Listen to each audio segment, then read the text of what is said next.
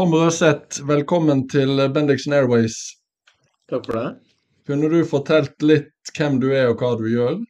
Ja, jeg heter Tom Røseth. Jeg er eh, leder av Ukraina-programmet ved Forsvarets høgskole.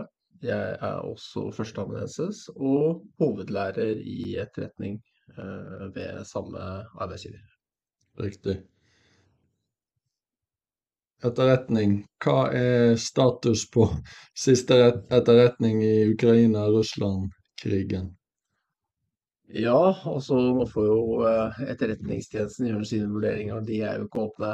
Men uh, det er jo uh, nå mye avgradering av etterretninger. Det er mye åpen informasjon tilgjengelig fra myndigheter i spesielt USA og Storbritannia. Som kommer fra etterretningsmiljøet, som blir åpent tilgjengelig. Så Situasjonen eh, og hva etterretningen sier, er jo at eh, det går fremover, men det går sakte, men sikkert for ukrainerne.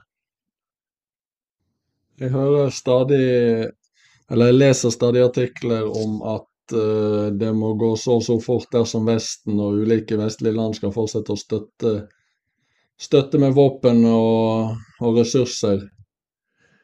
Ja, jeg, jeg tenker uh, selvfølgelig uh, vil man gjerne se at uh, det å bidra med våpen ammunisjon gir en effekt på slagmarken, at det får positiv innvirkning på krigen i Ukrainas favør.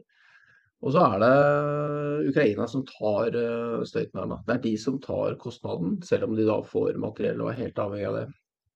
Så jeg tror ikke at nødvendigvis er noen sammenheng mellom stillstand og mindre bidrag til Ukraina. Men, det, men, det, men ja, eh, man kan jo, hvis eh, frontlinjen ikke flytter seg, eh, få en følelse av oppgitthet, og kanskje da blir det et større klima for kompromisser. Men vi må også huske på at Russland har jo ikke heller hatt noe særlig vinning siden, eh, ja, siden de omringet Kyiv, eh, egentlig. Eh, og tok til ja, Bakhmut. Så det er jo veldig liten vinning på russisk side her òg, det må vi ikke glemme. Hva er grunnen til at det var så mye sprikende meninger om Putin kom til å invadere eller ikke i forkant? Det er fordi det kanskje ikke var logisk at han skulle invadere. Vi, vi, mange tenkte at eh, var, kostnaden var så høy, og det var eh, så uh, ufornuftig å, å, invadere at uh, Putin da ikke ville gjøre det. At han heller brukte det som en forhandlingskort, denne, denne demonstrasjonen av makt langs Ukrainas grenser. Jeg, tenk, jeg, tror vi må tenke at det har vært to spor i, i forberedelsen av invasjonen. Uh, og den ene er viktigere enn den andre. Og det, Den viktigste var jo nettopp oppbyggingen av styrker langs Ukrainas grenser. Det viste en tydelig planlegging hvor det kom flere og flere elementer inn. Uh, altså f.eks. blodforsyninger og, og, sanitet og logistikk, altså forsyningsstøtte og, og alt sånt noe, som man vanligvis ikke ser på en øvelse. Så det var jo alarmerende. ikke sant? Alle de røde varsellampene blinket. Så det var en forberedelse til en invasjon. Og så hadde du da den andre faktoren, det var da det diplomatiske sporet. Hvor uh, Russland hadde steile krav som uh, i forhold til uh, egen sikkerhet, som de mente. Hvor de krevde at Nato skulle trekke seg tilbake mange år i, i, i tid når det gjaldt tilstedeværelse i i eh, Sentral- og Øst-Europa. Så eh, de kravene Russland kom med, var så steile at eh, Nato aldri Nato-land aldri ville gå med på det. og jeg tror nok det å klinge seg til så steile håp og en diplomatisk løsning i ettertid selvfølgelig viste seg å være feil. Men man vil jo gjerne håpe, ikke sant. Man vil jo gjerne tro at krig ikke er eneste utvei, og at du kan påvirke motstanderen. Og så ga man noe, men man ville jo ikke gi inn alt på det Putin eh, krevde, for det ville jo svekke Nato kraftig. ikke sant? Hva var det man ga? Nei, eh, det, det var jo eh, eh, snakk om eh, altså, spesielt rundt Ukrainas status som nøytral, da, ikke sant. Det var ikke realistisk at Ukraina ville bli en del av Nato på svært lang tid. Eh, og det uttrykte man jo tydelig overfor russerne, som, som ville være f.eks. et kompromiss. da. Men Moskva hadde jo Eh, så jeg setter etter det bestemt seg. Så det diplomatiske sporet, jeg tror ikke det var genuint. Jeg tror det var eh, et eh, påskudd for å skape et narrativ hvor det ble en det russerne ville tenke var en legitim invasjon, da. Med argumenter om at ukrainerne begikk massemord i eller, eller, folkemord i Donbas, eller at, som de hevdet, at Eh, det var biologisk våpenutvikling sammen med amerikanerne. Eh, skitne bomber var jo i prosess.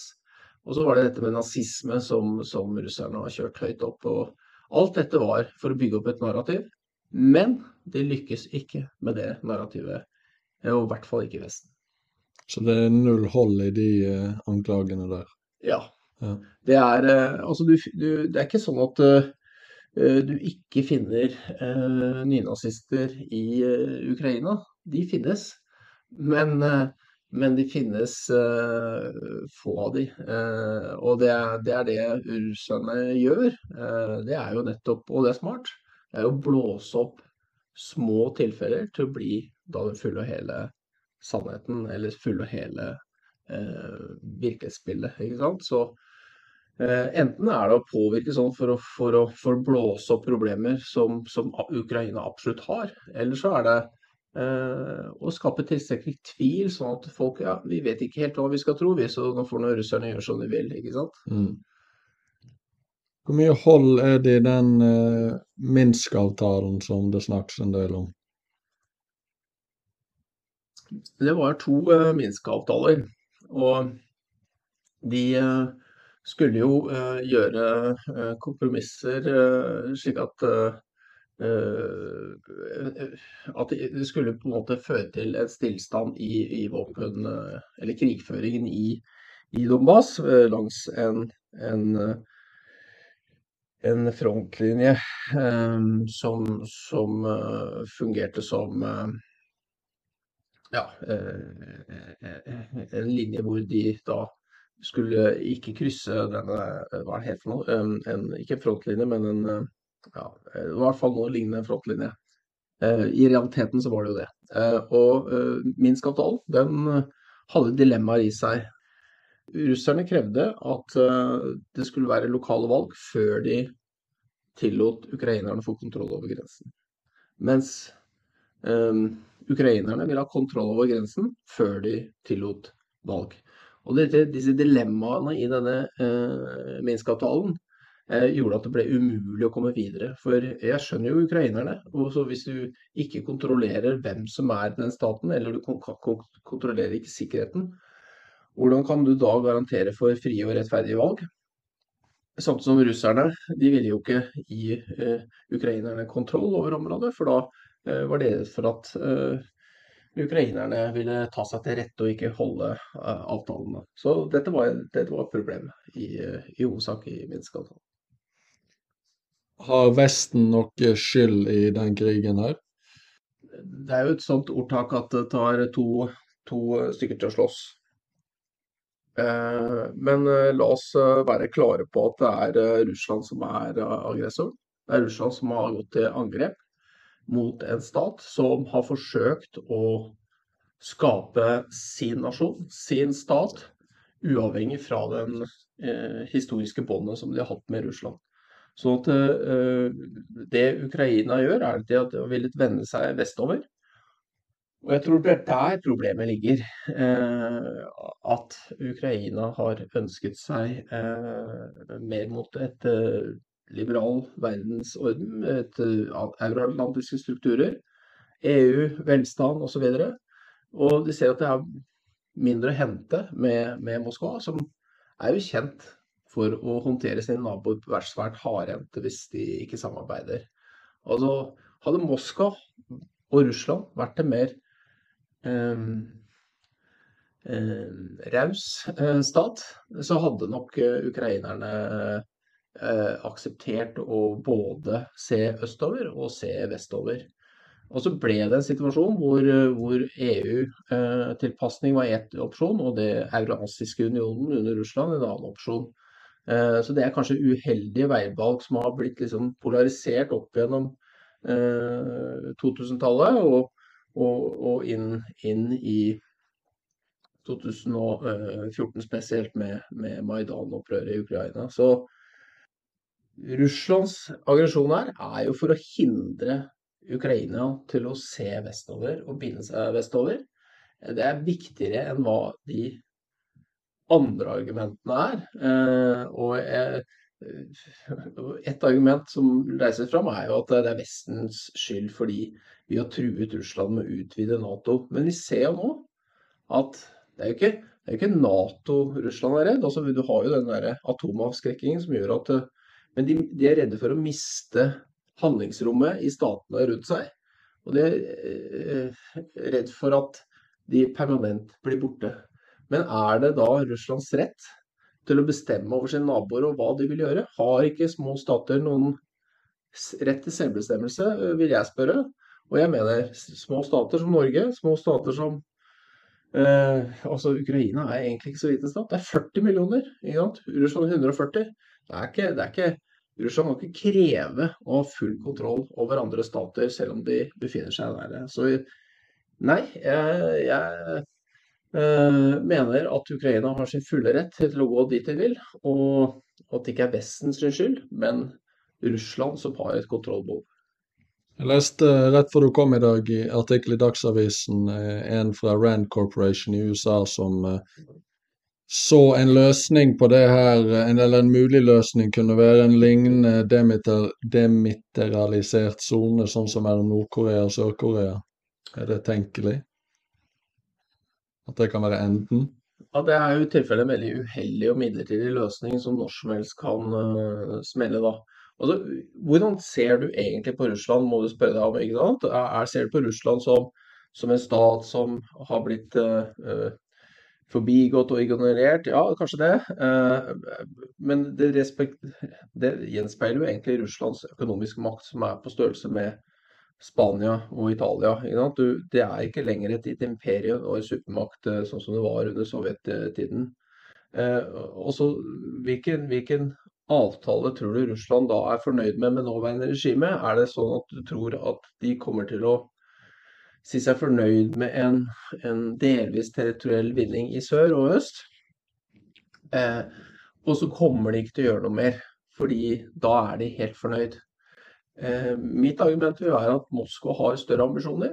De viste det og åpenbarte det ved invasjonen at de ønsket å ta Kyiv. De ønsker egentlig å kontrollere eh, så mye av Ukraina som mulig, og helst også hovedstaden. Så hvis du tar en avtale med Russland hvor de står eh, la oss si frontlinja sånn som det er nå, da, så er ikke jeg eh, eh, Da er jeg veldig redd for at Russland kommer tilbake om fem år, om seks år med å gjenoppbygd sine landstyrker. Og så har vi en ny krig som er enda farligere og enda verre. Så jeg er nok eh, jeg er blant de som tenker at eh, det å gi ukrainerne mest mulig mulighet til å presse russerne, slik at du får en avtale som ikke blir på aggressorens vilkår, som igjen fører til en, en, et sterkere Russland senere. Og, og for Russland er, planlegger nå en langvarig konflikt med Vesten. Det, det, må vi også eh, lese ut av situasjonen. Hva tror du er en realistisk løsning, og når? Jeg tror eh, det kommer til å bli eh, utvikling på bakken som eh, påvirker dette. Akkurat nå så er det ukrainerne som har initiativ. Russland må sannsynligvis mobilisere igjen. De tviler, tviler nok på at de ønsker å gjøre det, Putin, eh, før valget neste år, i mars.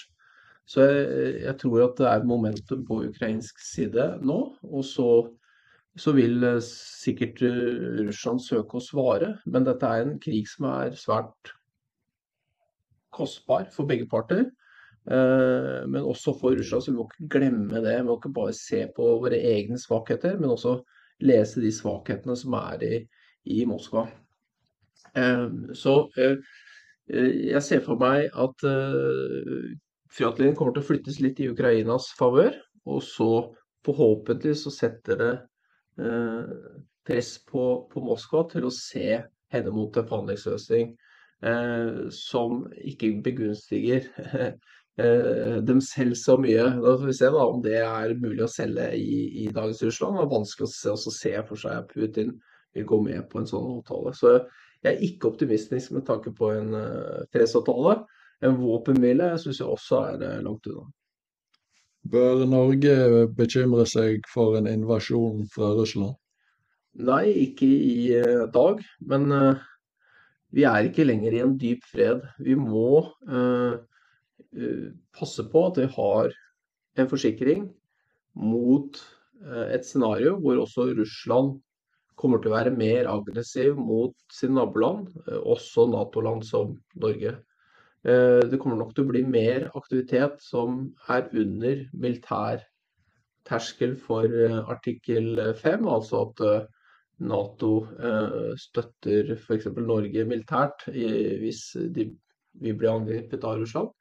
Men, eh, men også, da tenker jeg mer på cyberoperasjoner, jeg tenker mer på eh, påvirkning eh, og sabotasje og sånne aksjoner.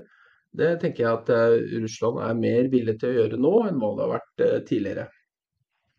Så ikke en, altså en, en militær Eh, konfrontasjon mellom Nato og Russland er jo et katastrofalt scenario, i hvert fall i sin ytterste konsekvens. Uh, heldigvis er begge parter veldig forsiktige, og de ser de incidentene hvor det kommer til uh, uh, konfrontasjon eller eh, mellom, mellom, russiske og vestlige styrker, så er det, det er spent, men det er eh, kjølig hode, i hvert fall bak i hovedstedene, som ikke ønsker en slik utvikling. Riktig. Hva er etterretning, og hvorfor er det så viktig for nasjonal sikkerhet? Etterretning er eh, beslutningsstøtte til eh, politikere og militære ledere. Etterretning er eh, informasjon som samles inn via forskjellige metoder. Man tenker gjerne at etterretning er noe som er hemmelig. Altså at det er eh, informasjon som din motstander eller din, eh, den aktøren du ønsker å hente ut fra, eh, ønsker å skjule og ønsker å, å verne om. Og får du tak i den informasjonen, så, så, så har din side en fordel. Fordi du, du vet kanskje da én kapasiteter, til motstanderen, eh, eller to, eh, intensjon og tanker på hvordan disse kapasitetene skal anvendes. I praksis så er det jo å vite eh, i en krigssituasjon f.eks. hva motstanderen tenker å gjøre overfor dine egne styrker. Eller det kan være hvilke politiske beslutninger Moskva ønsker å Eh, tenker å gjennomføre overfor Norge i gitte situasjoner. Det er jo eh, verdifull eh, f.eks. beslutningsstøtte for norske politikere og, og ledere. Jeg antar at mengden informasjon i tråd med utvikling av teknologi siste, siste årene har økt dramatisk. Hvordan, det, hvordan, påvirker det hvordan land driver etterretning? Nei, altså, nå er jo åpen, åpen, kildeinformasjon også OSINT og Open Source Intelligence, eh, det er blitt en kjempebusiness. Det er blitt eh, en, eh, en veldig viktig faktor. Altså det er mer og mer informasjon åpent tilgjengelig, og under der så har du f.eks. sosiale medier, du har eh, satellittbilder, du har eh, også Hvis vi bare så på hvordan eh, Ukraina-invasjonen utviklet seg, så kunne jo alle sitte og følge med det på det. Eh, ganske reelt, nært nåtid bilde hele tiden. Altså live-bilde av, av, eh, utviklingen. Og det er jo eh, nytt til dels. altså Det er ikke det at det ikke har skjedd før. Men i en så viktig krig så, og, så har informasjonstilfanget vært massivt. Og, og det har jo en god funksjon, er jo at, at folk er opplyst om krigen. Og gitt at informasjonen er riktig, som den jo var med å gjenspeile utviklingen på bakken, selv om russerne prøvde å fornekte, så, så fungerte jo ikke det.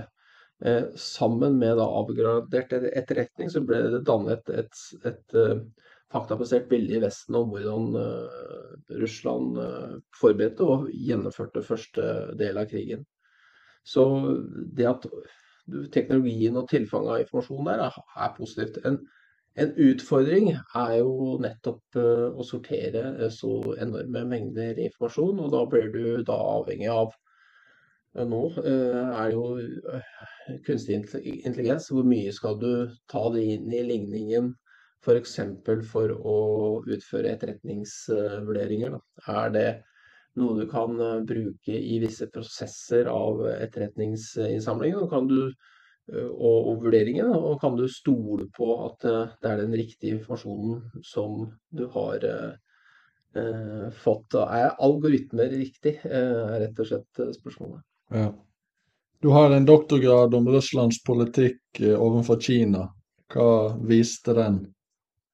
Nei, det viste at de ble mer og mer altså Russland og Kina eh, ble mer og mer partnere på, på, i både i dybde og bredde innenfor en rekke områder. Eh, økt militært samarbeid, økt politisk samarbeid, økt eh, samarbeid på energipolitikken og, og handelen, og også en, en økt samhandling i Arktis. Altså at vi kommer til å se mer og mer Kina i gjennom russisk Arktis. Det kommer også til å, å bli mer synlig i Norge f.eks. Eh, med at eh, du får mer eh, kinesisk shipping, mer kinesisk involvering i, i russisk utvinning av ressurser og, og, og frakt til Europa eller verdensmarkedet.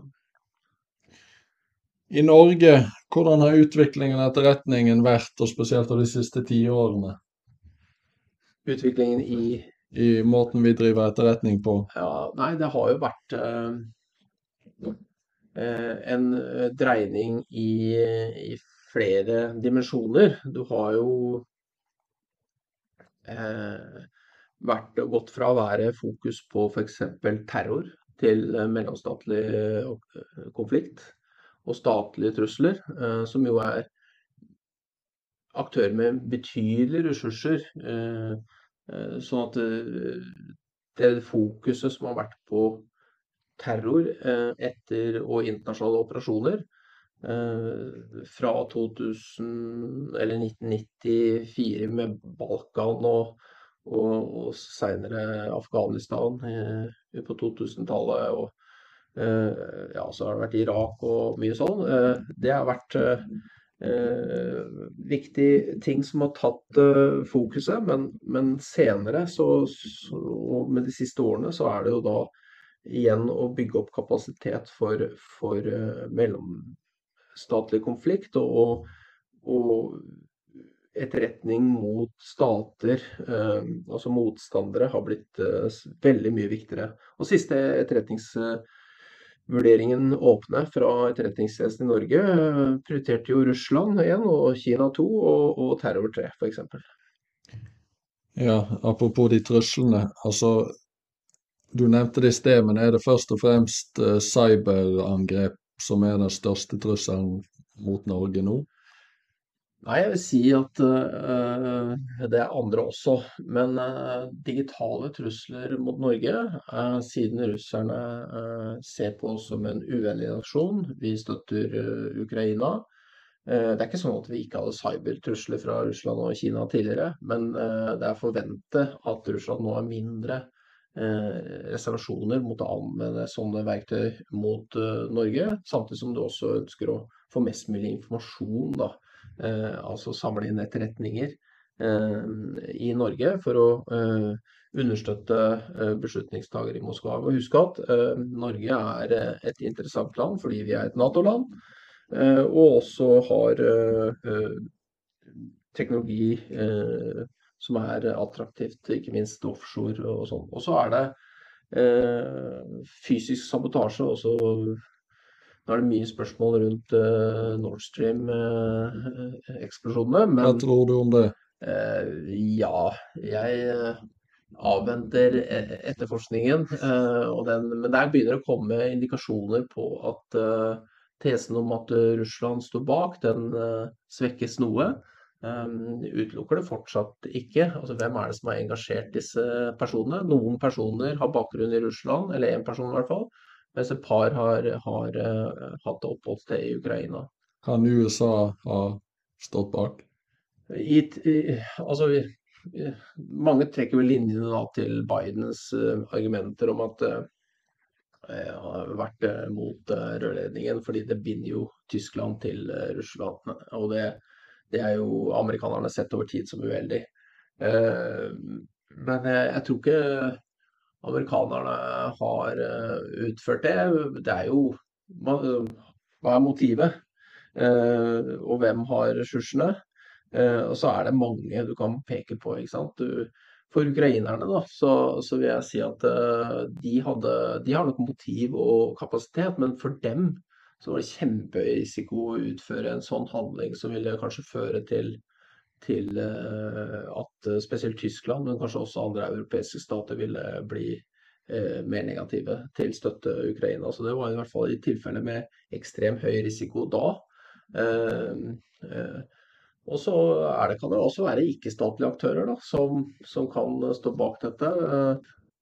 Eller kanskje det er en stat som står bak ikke-statlige aktører som har utført selve handlingen. Altså jeg, jeg, jeg tenkte at jeg hadde mye uh, tyngde mot, uh, mot Russland, men jeg var ikke sikker. Og uh, nå ser jeg at det bildet er komplisert, og jeg avventer egentlig etterforskningen. Ja.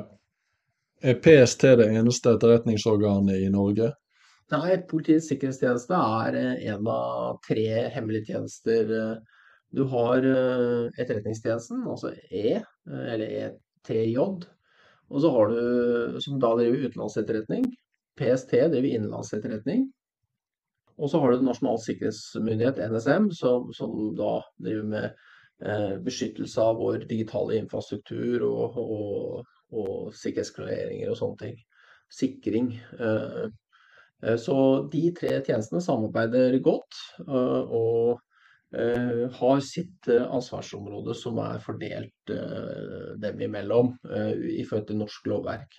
Så det er ikke sånn at eh, PST plutselig kan gjøre noe. Eh, Altså de har begrensede mandater, og de skal jo ha veldig avgrensede, eh, gode legale grunner til å gjøre det, de handlingene de gjør.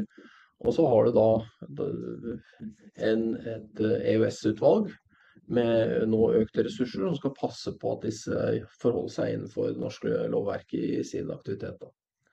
Foregår det massiv eh, overvåkning av egne borgere her i landet? Nei, eh, det gjør det ikke. Du skal ha La oss si hvis du skal se på egne borgere, da, så er det eh, Politiets sikkerhetstjeneste som ser på, på det. Eh, og da skal de ha en eh, skjellig grunn til mistanke. Det skal være en eh, domstolsgodkjenning for at de skal begynne å samle inn informasjon eller, eh, om en aktør eller en person. Da. Hva slags ratio er det at den domstolen gir samtykke eller nei? Hvor stor forskjell er det på det? Er det nærmest automatikk i at du får ja? Nei, det, det er det ikke, men eh, jeg tror nok også at eh, PST vet at eh, de kan jo ikke søke hvis de tror de får nei heller. Så det er nok en, en god ratio for å få ja, men det er også fordi at PST vet hva som dommeren vil akseptere, og hva dommeren ikke vil akseptere. Og så er det tidstilfeller hvor de også må finne seg selvfølgelig i å få, få nei. En annen sak som har vært oppe i, i nyhetene, er jo dette digitale eh, grenseforsvaret, eller den tilrettelagte innhentingen, som, som også heter. Så hvor E-tjenesten, som ikke, ikke ser på norske borgere eh, i Norge, eh, de har da fått myndighet til å se på kommunikasjon ut og inn av landet for å nettopp kunne ettergå og avdekke terrorhandlinger eller eh, eh, ondsinnede handlinger fra aktører utenfor Norge. Eh, som eh, har da digitale kanaler inn mot Norge. Så dette er jo for å sikre Norge, og så selvfølgelig går det potensielt utover eh, noe eh, personvern potensielt, eh, men der er regelverket klart. Også, også E-tjenesten må forholde seg til, til handlingsrom gitt av domstolen, og de må ha skjellig grunn til å å kunne søke i metadata etter, etter f.eks. Eh, viss type kommunikasjon. Så, så dette er eh, Hvis en setter seg inn i det, så er det ikke så skummelt. Hvis en bare får høre overvåkning, masseovervåkning av norske borgere, så høres det kjempeskummelt ut. Men går man inn i det, så ser man at det er, det er eh, rammer og regler som gjør at uh, våre hemmelige tjenester har uh, har begrenset med eh, handlingsrom og må opptrå korrekt, ellers så, så kommer, eh, mister de tilliten. Det er det ene, og, og det, det, får konsekvenser. Så vi er ikke på vei mot å bli en politistat? Nei, det vil jeg ikke si. Eh, det er de moderne truslene som gjør at vi også må endre vår sikkerhet. Hvis ikke så har vi dørene åpne for at andre aktører skal gjøre dette mot oss. Et tilleggsargument er jo at hvis ikke vi selv sikrer vårt, vår infrastruktur og vår, vår, vår stat, eh, i hvert fall liksom innenfor Selvfølgelig er det dilemma opp mot personvern og sånn som man må avstemme. Men hvis ikke vi gjør det, så, så vil vi ha døren mye mer åpen for angrep, digitale angrep. Vi vil også være avhengig av andre stater bidrar med informasjon til oss. Eh, det er ikke sånn at, ikke sånn at eh, om ikke vi eh, eller Norge ser på og overvåker en del potensielt farlig kommunikasjon som skal skade norsk sikkerhet og befolkningens sikkerhet, hvis, ikke, hvis tjenestene ikke har mulighet til å se på det, så vil det jo være avhengig av at andre allierte gjør det for oss, f.eks. Mm. Du vil jo helst ha kontroll på egen sikkerhet, ikke være avhengig av andre. Hva du tenker om Julian Assange og Chelsea Manning og Edward Snowden og disse avsløringene i USA? Ja, nei, jeg, jeg synes jo at uh, uh, det som er avdekket, viser jo at det har vært uh, kanskje overdrevet kontroll av andre stater fra de som har veldig store ressurser. Og det er særlig uheldig når du spionerer på eller driver etterretning mot uh, vennligsinnede land. Da. Kanskje for å få fordeler på ting som ikke har med statens sikkerhet å gjøre. Uh, men samtidig så er det jo forståelig at en uh, stat som USA uh, er nysgjerrig på sikkerhetspolitikken i Europa. og om Hvis ikke de Men jeg, jeg syns det er en uting å, å, spionere på sine venner. Det, det syns jeg. Så eh, det er noe store stater eh, kan tillate seg. Små stater bør nok være forsiktige med det. Når det gjelder avsløringer fra Snowden osv., Assange, og, og, så er det, det er jo det, det, som har vært nyttig, er jo at det har avdekket uh, kanskje en overdrevet uh, uh, overvåkning av andre stater. Men det er jo heller ikke overraskende. Og egne borgere. Ja, ja. Eh, ikke sant. Eh, det skal jo man være forsiktig med. Men heldigvis har vi ikke noen sånne saker av eh, her hjemme. Du hadde Lund-kommisjonen på 90-tallet hvor det var en del ting, og man fikk eh, korrigert inn eh, det som da var Politiets sikkerhetstjeneste, eh, til å stramme inn sine rutiner. Og nå har jo da nettopp PST veldig, veldig klare rammer og strikte rammer å operere innen, selv om det nå utvides noe gitt de nye truslene som eh, Norge står overfor. Du nevnte tillit i sted. Er det tegn som tyder på at tilliten til politikere og institusjoner eh, svekkes? Generelt så er det veldig høy uh, tillit uh, til myndighetene i uh, Norge, også i Skandinavia, vil jeg si. og, og eh, så skjer det jo feil. Og, og, men tilliten er jevnt over veldig høyt. Eh, og det er demokratisk kontroll over tjenestene gjennom EOS, e Etterretning og sikkerhetsutvalget, som har mandat fra Stortinget til å, til å kontrollere tjenestene. Um, og det, det, er veldig viktig at den tilliten er der. Um,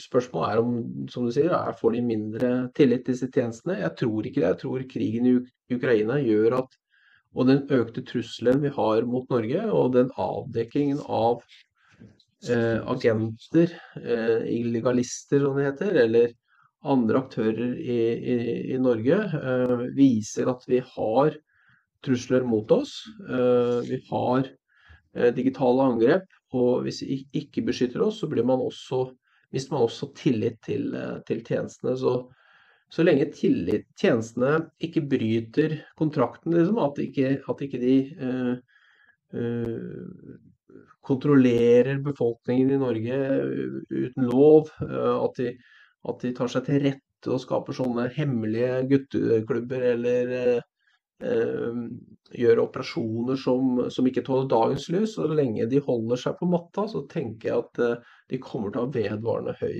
uh, uh, tillit. Og det tror jeg faktisk at uh, de er veldig bevisste av akkurat dette. Du underviser jo. Hva er, det slags, eller hva er læringsmålene som du prøver å formidle til studenter? Nei, Det er jo etterretningens rolle, da. Hvor viktig etterretning er for, for Eh, våre beslutningstagere. Eh, det er ikke den eneste tingen uh, f.eks.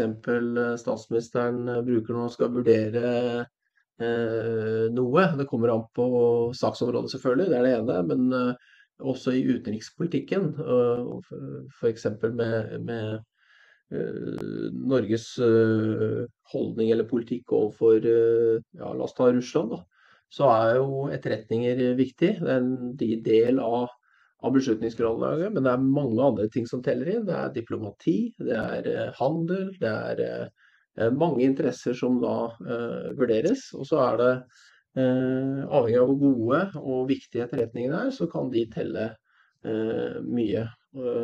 så det er jo etterretningens rolle i samfunnet med det aspektet, syns jeg er viktig å presisere. Og så er det etterretningens uh, det som vi har vært innom, at etterretningen må være korrekt. Det må eh, forholde seg innenfor de rammene den har fått, eh, og det må ha tillit i befolkningen.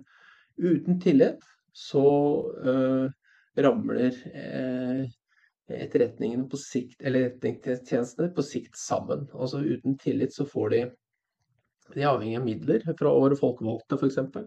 Uh, og de blir heller ikke anvendt av politikerne hvis de heller ikke uh, oppfører seg og, riktig og leverer viktig og tidsriktig informasjon. Så det er, det, er, en sånn det er en, en, bok som heter Tinker Taylor Spy av John Lee Carré. Eh, som eh, sier at du får den etterretningstjenesten du fortjener. Eh, at etterretningstjeneste gjenspeiler en statssjel. Og det ser vi jo at autoritære stater har en helt annen type etterretningstjeneste, som også passer på e-, egen befolkning i sterk grad. Mens demokratiske land Eh, gjerne har en etterretningstjeneste som gjenspeiler den, den, den, naturen eller kulturen det er i, i, i den gjeldende stat. Da. Og så skjer det jo eh, feil hvor, hvor etterretningstjenesten svikter, men stort sett så, så tror jeg vi får de etterretningstjenestene vi fortjener. Er det en utfordring at uh, mange i ledende posisjoner i etterretningstjenester kan, altså kan sitte nærmest livet ut, og ikke på en måte er, er valgt av noen? Ja, nå blir jo eh, lederne skifta ut, topplederne. De, de, blir jo det. Og det er sjelden noen sitter eh, livet ut. Det har jo vært eh, personer som har sittet svært lenge i tjeneste, det er riktig. Eh, og det gir kontinuitet, eh, og det gir eh, sikkerhet. Altså Men det kan også være uheldig hvis du har feil porsjon over lengre tid, selvfølgelig. Så, så kan det jo skape et, et dårligere miljø. Men jeg, jeg tror at gitt at det, naturen er så hemmelig til disse tjenestene, så er det ofte slik at folk blir lenge. Det er også tillit i forhold til at det er en interessant arbeidsplass å jobbe i over tid. Eh, og så kan man tenke at eh, det er noe negativt med det også, at det er sunnere med litt utlufting og utskifting og sånn. Og det, det, tror jeg at de må ta inn over seg og har gjort. Det er jo nettopp å, å rekruttere litt eh, bredere. Mangfold. Da vil du også sikre deg mot overraskelser. Du vil lettere kunne se nye trusler om, om du har et diversifisert eller veldig eh, Hvis du har folk med forskjellig bakgrunn, så vil du være sterkere. I hvert fall eh, min tanke rundt eh, eh en etterretningstjeneste. Spionerer alle på alle? Nei, det gjør det ikke. Eh, det er eh, ganske feil bruk av ressurser om du spionerer på dine venner, vil jeg si. Så skjer det, ikke sant? Det skjer. Men de fleste stater som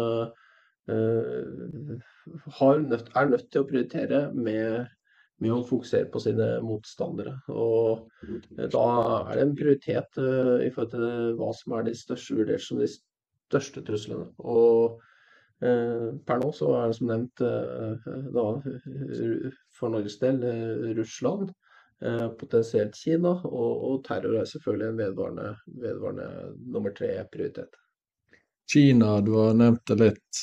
Hvor stor sannsynlighet er det for at eh, USA prøver å senke den kinesiske flåten i Sør-Kina-havet? Jeg tror eh, amerikanerne våkner seg vel for å ta initiativet på å uh, ta uh, kineserne på hjemmebane i Sør-Kina-havet. Det vil være en ekstrem handling som vil også føre til internasjonal fordømmelse. Så jeg tror ikke det er i amerikanernes eh, plan å, å gå først i angrep. Det som eh, er hovedutfordringen her, er Taiwan, først og fremst. Så kan det være incidenter i, i Sør-Kina-havet mellom en USA-alliert og Kina, eller mellom amerikanske skip og, og kinesiske skip, skal, eller fly. Jeg skal ikke utelukke det. Eh, men eh, det er Taiwan som er den store utfordringen her. Og eh, det er mange vurderinger rundt om det kommer en krig. Noen mener det er bare et spørsmål om når. Jeg tenker at det, det, dette er langt fra, fra sikkert. Og, men det er klart, med en ny periode for Trump i Washington, så øker jo i hvert fall konfliktretorikken. Og kanskje også eh, øke sannsynligheten for en, en uh, konflikt eller krig mellom uh, USA og Kina. Og det som er uh, viktig å tenke med for et europeisk sikkerhet, er at hvis USA blir opptatt i Asia, med, i en konflikt over Taiwan f.eks., så, så vil jo det svekke våre muligheter til å stole på USA i en konflikt med Russland. Riktig. Hvis du skal uh, gi noen råd til uh, jeg håper jeg, yngre krefter som er interessert i en karriere innen etterretning, hva gjør du, sier du da? Det er uh, å være interessert i utenriks- og sikkerhetspolitikk. Det er å ha gode mellommenneskelige egenskaper. Det er å ha et spesialområde du er dyktig på. Det kan være teknisk, det kan være IT, det kan være ja, cyber. ikke sant? Det er én dimensjon av det. Eller det kan være et, et, et, et øh, temaområde som uh, Midtøsten, uh, Russland, Kina. Um, så hvis du har språk, og områdekunnskap, eller hvis du har en spesiell attraktiv teknisk eh, kunnskap eller mellommenneskelige egenskaper som er særs gode, så er det alltid en interessant kandidat for, eh, for en etterretningstjeneste. Og det er åpne utlysninger nå da, som man kan forsøke seg på. Og det, det vil jeg bare oppfordre alle til å søke. For det, selv om du er en småbarnsmor, så kan du likevel være en veldig attraktiv medarbeider i en slik tjeneste. Ja. Hvordan spår du at verden ser ut om 10-20 år? Jeg ser på denne krigen i Ukraina som veldig dominerende for, eh, og dimensjonerende for eh, norsk sikkerhet og for europeisk sikkerhet. Og jeg tror at eh, krigen kommer til å vare noen år, og så tar den slutt. Og hvordan krigen går, vil jo avgjøre hvordan perioden etterpå blir. Men jeg hadde planlagt for en fremtid hvor Russland fortsatt er fiendtlig innstilt mot Nato. Eh, vi kan ikke håpe på et regimeskifte. Så jeg tror nok i europeisk sikkerhetspolitikk så vil Russland utkrystallisere seg som en, en, utfordrer og som et problem over lengre tid. Og så er det da Kinas vekst. vil den fortsette Eh, lineært. Nå tyder mye på at eh, veksten eh, flater ut. mange som har vurdert at det er sannsynlig. Når en stat blir rikere og rikere, så vil etter hvert veksten flate ut. Det har vi sett med, med andre stater. Så hva vurderingene er i Beijing i forhold til USA, og hvordan USA vurderer Beijing, eller ja, USA-Kina-forholdet vil være den dimensjonerende relasjonen i global uh, sikkerhetspolitikk. Da. Så om Russland er uh, viktig for oss, så er uh, nok i økende grad Kina viktig for den per nå mektigste staten, USA. Så mitt doktorgrad omhandlet har Russland-Kina-utvikling seg, vil også, også påvirke om vi får en en, en, verdensorden hvor du får autoritære stater eh, i større og større grad i konkurranse med eh, demokratiske stater. Det er en uheldig utvikling eh, hvis det er det som er tilfellet. Og jeg tror nok eh, vi skal prøve å ikke dytte Kina ned i, i, i, i en sånn uh, situasjon. Samtidig må også ikke være naive overfor Kina i, tiden fremover. For de er, uh, selv om de sier det er en konstruktiv kraft, så er det et et autoritært kommunistregime som, som, styrer Kina, som er et, et system som, som ja, er en forskjellig kultur fra, fra, fra, vår, med forskjellige verdier og normer. Og da er det viktig at vi passer på at ikke Kina får for stor påvirkning og innflytelse på, på f.eks. europeisk politikk. Da. Eh, men her er det økonomisk samhandel som også er viktig og riktig. Så dette er vanskelige eh, dilemmaer for våre politikere i eh, tiårene som kommer. Det er vel vanskelig å spå, vil jeg anta. Ja. Men dersom Trump blir president igjen i USA, hva kommer han til å gjøre med etterretningsbyråene? Jeg forsto jo sånn at han eh, ikke stolte spesielt mye på det i første perioden. Han mener at uh, de er eh, bias. Eh, det betyr at de da har, eh, har fordommer eller holdninger som, som, ikke er riktige, og som er forutinntatte. Og det, det har han jo ikke selvinnsikt for at han eventuelt kan ha selv, da. Så han brukte i mindre grad etterretningstjenestene enn andre presidenter. Jeg tror nok at med Trump så vil det være mer utfordrende å være beslutningsstøtte til presidenten fra Etterretningstjenestens side. Samtidig så ønsker jo de å være relevante. Og det øker nok eh, faren, i hvert fall jeg sier ikke at det kommer til å skje, men det øker faren for at eh, etterretningstjenestene kanskje vil tilpasse seg presidenten og gi informasjon han ønsker å høre. Det så vi under Irak-krigen i 2003. Så det er jo i hvert fall en risiko for, da, for etterretningstjenester. De ønsker å bli hørt og være en del av beslutningsgrunnlaget. Eh, en annen mulighet er at eh, det blir sånn som ved forrige periode, at eh, etterretningstjenestene da heller lekker når de ikke blir hørt. At de blåser informasjon ut via anonymt via medier. Som setter presidenten i et dårlig lys. Så, så det er jo hvordan institusjonene da motsetter seg eller medvirker med presidenten om Trump tar makten igjen, det blir veldig spennende å følge. Jeg har lyst spørre helt til slutt om uh, Jeg har lest uh, 'The Room Where It Happened' av han John Bolton. Uh, og så 'The World As It Is' av Ben Rhodes, som var en rådgiver til Obama. Der de begge egentlig forteller hvor utrolig vanskelig det er for presidenten å faktisk få igjennom det han har lyst til. Hvor sterkt er det byråkratiet der borte, og hvor vanskelig er det å faktisk få virkelig endring. Ja, Hvis presidenten også kontrollerer Kongressen, så, så, vil eh, det være mye lettere å gjennomføre politikk. Men vi ser jo det at det likevel er vanskelig. Eh, at eh, ting tar tid. Du har egne partifeller som har sine kampsaker, som ønsker å, å vinne de før de går med på å gi et flertall, f.eks. av en ny lov. Så Eh, ja, Trump kaller det the, the, the sump, eh, ikke sant. Alt, alt dette eh, byråkratiet og, og institusjonaliserte makten i, i Washington. Og, og, det er nok en tung materie, og ikke alt er bra der. Men det er, det er viktig å huske på at eh, det også er en demokratisk sikring i den balansen mellom makt, uh, maktorganene. Uh, mellom lovgivende, utøvende og eh, dømmende makt. Så, og hvis, hvis, det forrykkes, sånn som du ser i andre land hvor det er eh, populisme som kommer opp, som eh, ja, hvis tendenser i Polen, i Ungarn og andre, hvor du svekker dømmende makt f.eks. Hva er det som skjer i Israel?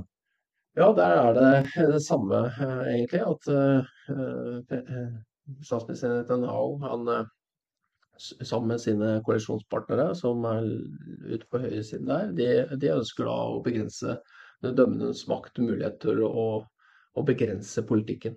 Eh, og det har ført til sterke reaksjoner. Så det er, det er ofte den sterke manns eh, ideal er å, å, få minst mulig begrensninger rundt seg. Og Trump er en sånn figur. Netanyahu ser ut til å være det, og Orban i Ungarn. og ja, og så ser vi det samme også i Polen. Så det er, eh, det er eh, en uheldig utvikling. Og jeg, til dels så skylder jeg dette på sosiale medier og ekkokamera og sånn. Det er liksom en kultur nå hvor det er mye lettere å komme frem og få en, en stemme i, i uh, populismens navn. Dette er òg eksempler på at makt korrumperer? Ja, det, det eh, gjør det jo Det er ikke uten grunn at det uttrykket kom. og Derfor er det viktig også å ha balanse mellom forskjellige eh, statlige organer eh, og funksjoner. Og, og, også at maktfolk ikke blir værende i altfor lang tid. Det er fornuftig med demokrati. Skal lønne seg på sikt. Og så ser vi det at autoritære regimer de kan utføre en annen og helhetlig politikk som kan gi kortsiktig effekt.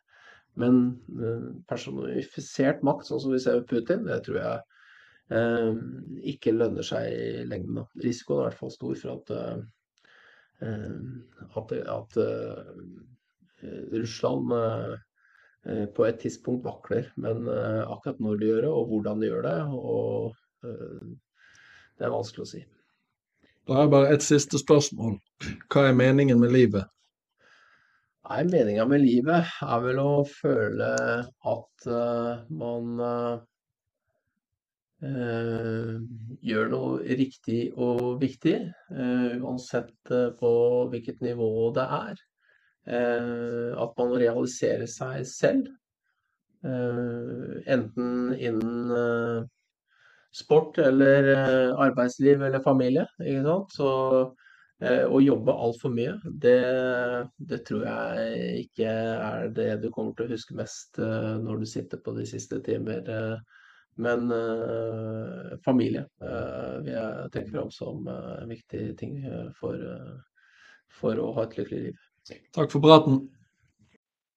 Tusen takk for at du hørte på Bendixen Airways. Dersom du har tips, kommentarer eller vil gi en vurdering av episoden, så gjør gjerne det. Det setter jeg stor pris på.